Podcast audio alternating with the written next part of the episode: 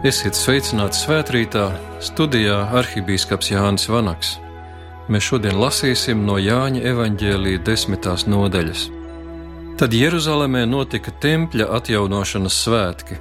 Bija ziema, Jēzus pastaigājās templī, Salamana kolonādē. Jūdi viņu apstāja un jautāja: Cik ilgi tu mūs turēsi neziņā? Ja tu esi Kristus, saki mums to atklāti. Jēzus viņiem atbildēja: Es jums teicu, bet jūs neticat.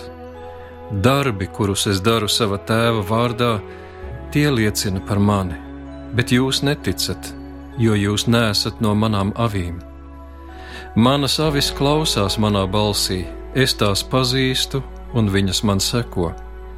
Es tām dodu mūžīgo dzīvību, viņas nemūžam neies bojā, un neviens tās neizraus no manas rokas Mans tēvs, kas man tās ir devis, ir par visiem lielāks, un neviens tās nevar izraut no mana tēva rokas. Es un tēvs, mēs esam viens. Jūdi atkal sanesa akmeņus, lai viņu nomētātu. Jēzus viņiem teica: Daudz labu darbu no sava tēva es jums esmu rādījis. Tad kura darba dēļ jūs gribat mani nomētāt akmeņiem?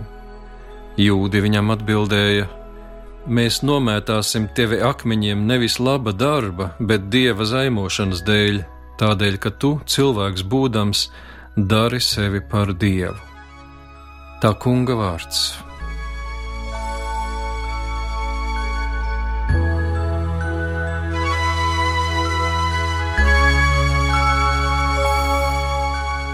Dievs, Kungs, Svētais Gars, svētī mūsu tavu vārdu patiesībā Tavi vārdi ir mūžīgā patiesība. Āmen!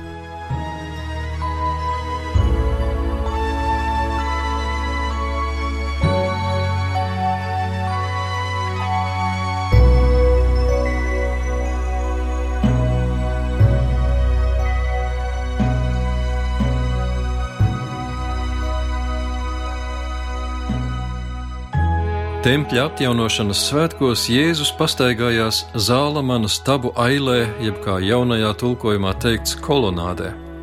Kas tie par svētkiem, to varam lasīt pirmajā makabeju grāmatā. Tas ir stāsts par laikiem, kad Jeruzalemi bija pakļāvusi Seleukīda impērija, un valdnieks Antiochs IV. Epifāns aizliedza tempļa dievkalpojumus, ieviesa tajā helēņu dievību kultu, un pēc tam pats templis nonāca pamestībā. Ap 160. gadu pirms Kristus dzimšanas tautas sacelšanās jūdas makabeja vadībā nometa svežzemnieku jūgu un atguva brīvību. Tā bija kā augšām celšanās no kapa.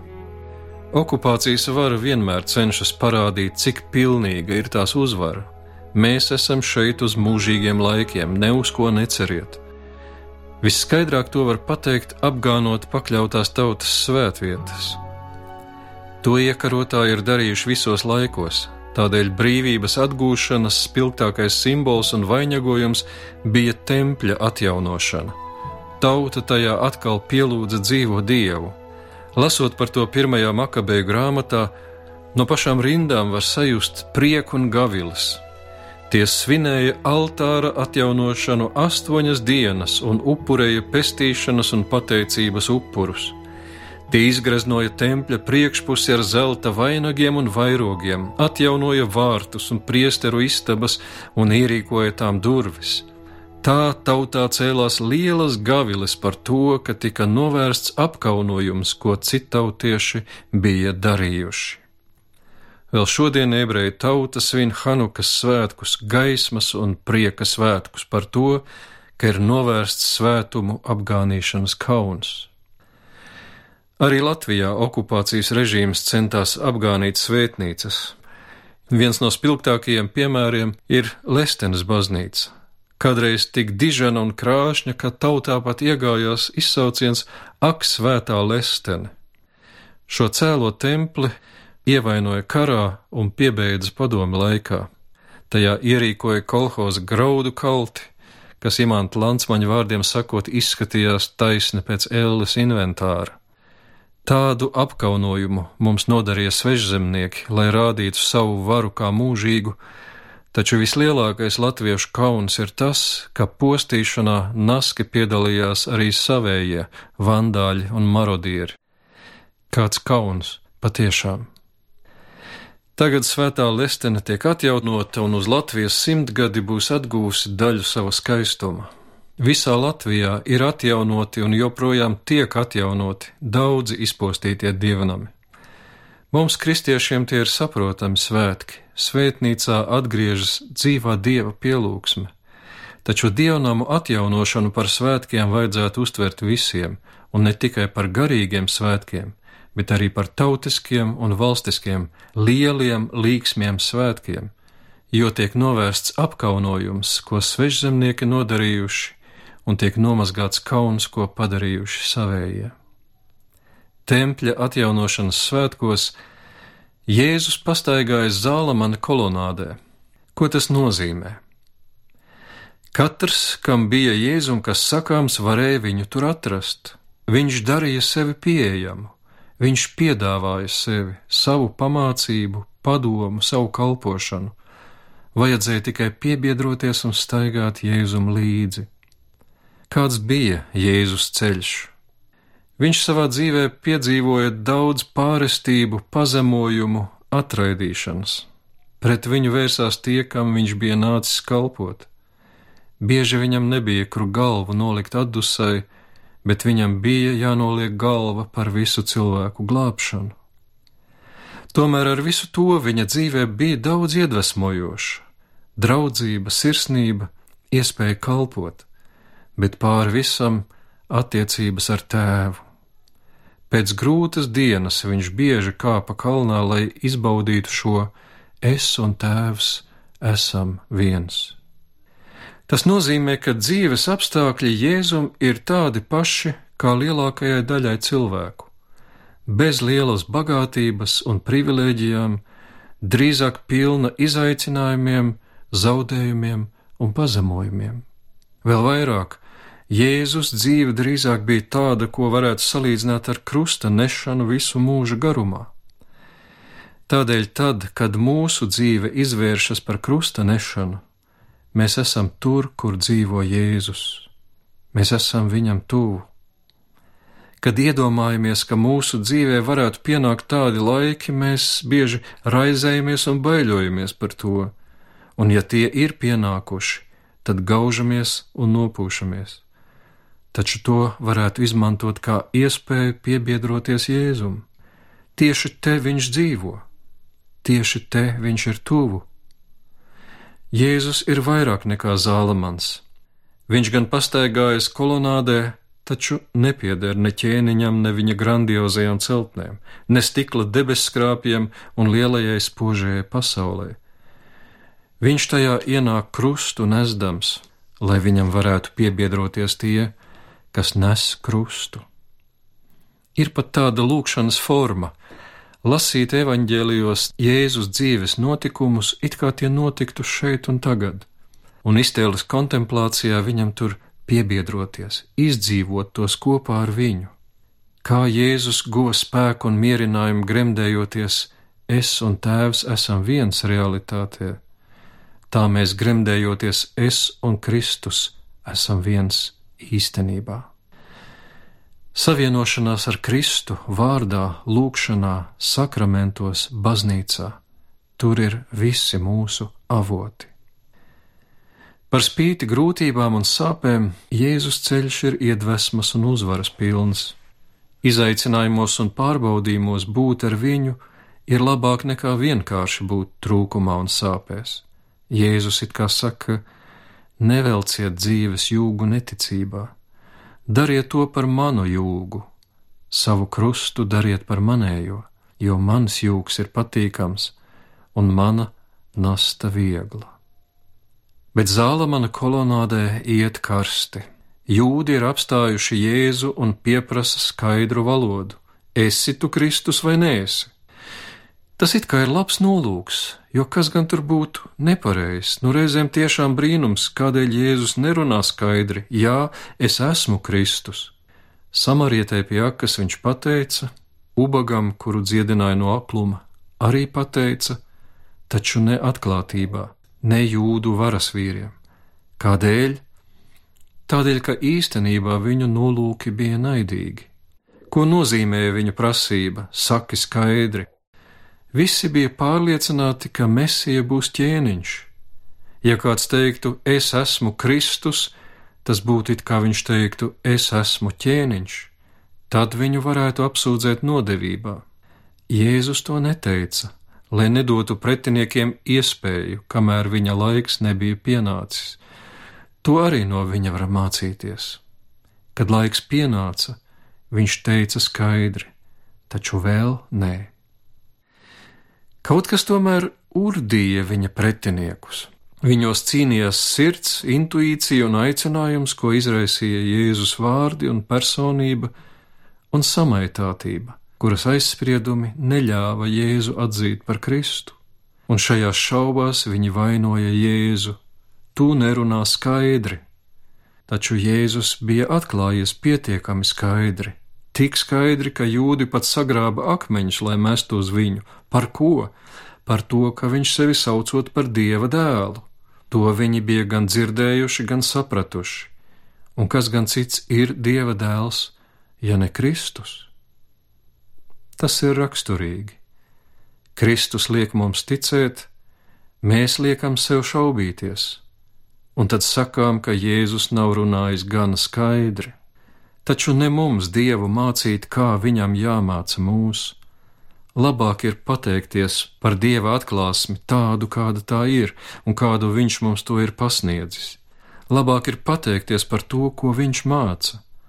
Ja mēs prasām ko citu, tad negribam to, kas mums dots, un nonākam šaubās un galu galā arī neticībā. Lūk, jūdi šeit izliekas, ka tikai šaubās, taču Jēzus viņiem saka: Nē, jūs nevis šaubāties, bet jūs neticat. Viņš ne tikai nosoda viņu neticību, bet arī uzrāda tā iemeslu, un šis iemesls var likties pārsteidzošs. Jūs neticat, jo neesat no manām avīm. Jūs nepiedarat manam ganāmpulkam, tādēļ nedzirdat un neticat. Manas avis nozīmē kādu kopību. Mārtiņš Luters teica, ka baznīca ir avis, kas dzird labā gana balsi. Nepiederēt avīm var būt pavisam konkrēta nozīme - nepiederēt baznīcai, tātad nepiederēt Kristus mācekļu kopībai. Mūsdienās daudzi gribētu ticēt bez piederības, taču tad viņi nedzird Kristus balsi, kas skan baznīcas koptajā un glabātajā mācībā, tās sludinātajā apustuliskajā vēstī, un tas agri vai vēlu ved pie šaubām, un galu galā pie neticības. Jūs neticat tādēļ, ka nesat no manām avīm. Taču Jēzus viņus nebiedina ar elli, lai gan bauslībai ir nopietna vieta baznīcas pasludinājumā, acīm redzot, biedināt ar elli Jēzum neliekas labākais veids, kā runāt ar tiem, kas vismaz kaut ko meklē un jautā. Tā vietā viņš apraksta priekšrocības un svētības, ko dod piederība viņa avīm, viņa ganāmajam pulkam.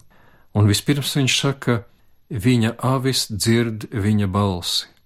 Jā, pasaulē skan balsis. Tie, kas ir redzējuši filmu Gredzenu pavēlnieks, varbūt atceras to epizodi, kad Frodo ar biedriem dodas pāri kalnu pārējai, taču tad no tāluma atskan baltā burvja sarumana balss, kas izkustina lavīnas. Vējš plosās, nogruvmi dārd, un visam cauri skan šī nāvi vēstošā balss. Pasaulē tiešām skan balss, kas izraisa lavīnas, kaislību, greizsirdības un nesātības lavīnas Populārā kultūra tēlo, ka tieši tās piešķir dzīvē krāsu, garšu un aizrautību. Atcerieties kaut vai seriālu nosaukumus - mīlas viesulis, uguns grēks, sola ko saistošu un aizraujošu, taču jau nosaukumā ir kaut kas iznīcinošs. Lavīnas aprok un nosmacē, visbiežāk zem noguruma un vilšanās kalna. Atcerieties vien kādu kaislību un neprāta epizodi savā dzīvē un ar ko tā beidzās. Kristus avis dzird Kristus balsi pasaulē. Jā, arī viņa balss skan pasaulē un rada citādu telpu, tādu, kurā ir mīlestība, miers, prieks, izturība, krietnums, labestība, uzticamība, lēnprātība, savaldība. Drīkstēt tajā dzīvot ir liels ieguvums. Kas tā par privilēģiju dzirdēt pasaulē Kristus balsi, priecāties par to un dzīvot pēc tās. Otrakārt, Jēzus saka, viņa avis viņam seko. Tā Jēzus vienmēr saka, seko man, Mēs ne tikai drīkstam viņam piebiedroties, tā ir viņa paša dziļa vēlēšanās, un īstenībā mēs veltīgi klausāmies viņa balsī, ja nesakojam. Tad Jēzus saka, viņš savas avis pazīst. Kāds gods Kristus avī, turpat septiņu miljardu cilvēku starpā viņš mani pazīst. Šajā apziņā vajag gremdēties mans gans mani pazīst. Taču tas var arī izbiedēt, jo sadzīvē cilvēki daudz dara, lai apkārtējie viņus pa īstam nepazītu. Personas datu aizsardzība, tiesības uz privātumu ir kaut kas ļoti svarīgs. Sākot no aizkariem pie loga un beidzot ar drošības pasākumiem internetā, mēs pieliekam lielas pūles, lai apkārtējie par mums nezinātu visu. Jēzus zina visu. Viņš pazīst mūs visos sīkumos. Taču tieši tas, ka viņš zina visu, pat vēl pirms esam to pateikuši grēksūdzē, ļauj viņam saprast, kāds radījums mēs esam un cik ļoti mums glābējs vajadzīgs. Viņš nāk, lai aicinātu nevis taisnos, bet grēciniekus. Viņš nāk, lai būtu mūsu glābējs lai izpildītu visu svēto bauslību manā vietā, lai izpirktu manus grēkus un nomirtu manu nāvi, lai manā vietā nokāptu ellē un par mani augšām celtos, lai dotu man savu nopelnīto mūžīgo dzīvi, kas tā par dārgu privilēģiju būt Kristus avī. Ne tikai tās iespējas dēļ dzīvot mūžīgi, Dvēsele jau šā vai tā ir nemirstīga, arī bez Kristus, un tas ir tās spožums vai posts. Jēzus arī šeit pretiniekus un neticīgos nebiedina ar elli, taču stāsta, ka tiem, kas pieder viņa avīm, tādēļ dzird viņa balsi un tai seko, viņš dod svētlaimīgu, mūžīgo dzīvi pie Dieva, lai tiem būtu dzīvība un dzīvības pilnība. Visbeidzot, Kristus apsola savām avīm, ka neviens tās neizraus no viņa rokas. Lielu ganāmpulku ganiem gadās pa avī pazaudēt, te vilks kādu aiznes, te pašas nomaldās un iekrīt aizā. Kristus saka, kas klausās manu balsi un man sako, to neviens neizraus no manas rokas. Tēvs ir lielāks par visiem, bet es un tēvs esam viens. No tēva rokas Jēzu Kristu avis neizraus ne baznīcas ienaidnieks, ne draugs. Par ienaidniekiem tā kā būtu skaidrs, taču arī draugiem misējas. Piemēram, mācītāji un teologi ir baznīcas draugi, taču viņiem gadās aizsnausties, tas biežāk gadās mācītājiem un bīskapiem, vai arī pašiem apmaldīties. Tas vairāk raksturīgs teologiem. Ir labi būt kopā ar saviem ganiem un mācītājiem, pieņemt un atbalstīt viņu kalpošanu. Labi arī ir, ka tik daudz garīgu grāmatu, ko lasīt, taču nevajag ieslīgt bezrūpībā, un Kristus avju pulkā pašiem uzmanīgi vajag klausīties labā gana balsī, lai zinātu, pārbaudīt mācības, ko dzirdat vai lasāt. Tad saka Kristus, neviens jūs neizraus no manas rokas. Zālamana stabu aile jeb kolonāde jaunajā derībā ir pieminēta trīs reizes. Šajā reizē, par ko lasījām, tā ir strīdu un pretniecības vieta, kur Jēzu it kā aicina uz dialogu, taču aicinātāju rokas tausta pēc akmeņiem, ar ko viņu nosist. Abās pārējās reizēs tā ir vieta, kur visi saskrien ap apstuļiem, kur viņi visi bija kopā vienprātībā, bet tauta viņus slavēja. Kādēļ tāda atšķirība? Pirmajā reizē tur Jēzus sastop pasauli, un tā izaicina viņu uz strīdu un prasa pakļauties un pielāgoties. Pārējās divās reizēs tur mācekļi pulcējas ap apstuļiem, būdami vienā sirdī un prātā. Kā Jēzus pastaigājās Zālamana kolonādē, tā baznīcai ir jābūt atvērtai un pat jātiecas uz dialogu ar pasauli, lai no tās iegūtu kristuma sekotājus un lai palīdzētu tajā skanēt Kristus balsī. Dialogs un sadarbība var būt auglīga, cenšoties darīt sabiedrības dzīvi labāku un taisnīgāku. Tomēr jārēķinās, ka pasaule baznīcu vienmēr izaicinās. Tās roka visu laiku taustīsies pēc veida, kā baznīcu izšķīdināt un asimilēt. Tādēļ nelolosim veltas cerības un nespraudīsim nesasniedzamus mērķus. Sarunāsimies, sadarbosimies, taču baznīca nevar palikt pati, un tajā pat laikā būtiskākajās lietās vienoties ar pasauli, kas cenšas panākt, lai baznīca tai pakļaujas un pielāgojas. Jēzus teica apstuļiem: Jūs esat pasaulē, bet ne no pasaules. Tāpat kā Jēzus staigāja Salamana kolonādē, tai nepiedarēdams, bet lai būtu sastopams, tāpat ir ar apustulisko baznīcu. Tā ir pasaulē, tā ir sūtīta pasaulē, taču tai ar pasauli nav nekā būtiski kopīga. Vienotība un miers Zālamana kolonādē iestājas tad, kad tajā ir kopā Kristus mācekļi, vienā sirdī un prātā sapulcēti ap apustulisko mācību un dzīvi.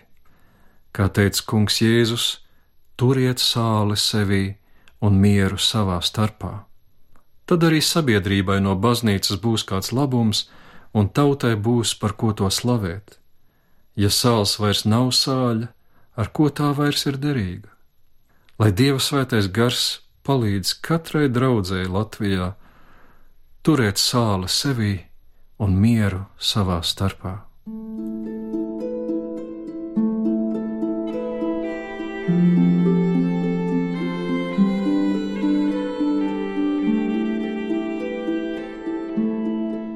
Lūksim Dievu. Debes Tēvs, mēs Tev pateicamies, ka Tu esi sūtījis savu dēlu, Kungu Jēzu Kristu, mūs uzmeklēt, izglābt un piepulcināt savai baznīcai. Mēs pateicamies, ka mēs varam dzirdēt Viņa balsi, ka mēs varam dzīvot tajā dzīves telpā, ko Viņa vārdi, Viņa sakramenti viņa klātbūtni šajā pasaulē veido. Un mēs izlūdzamies, Kungs, ka mēs varētu būt viņa cienīgi un čakli mācekļi, steidzoties darīt viņa darbu, dodoties pie tiem, pie kuriem viņš mūs sūta, tai pašā laikā turoties pie viņa, tā kā viņš turās pie tevis. To mēs lūdzam viņa paša vārdā Jēzus Kristus vārdā. Āmen!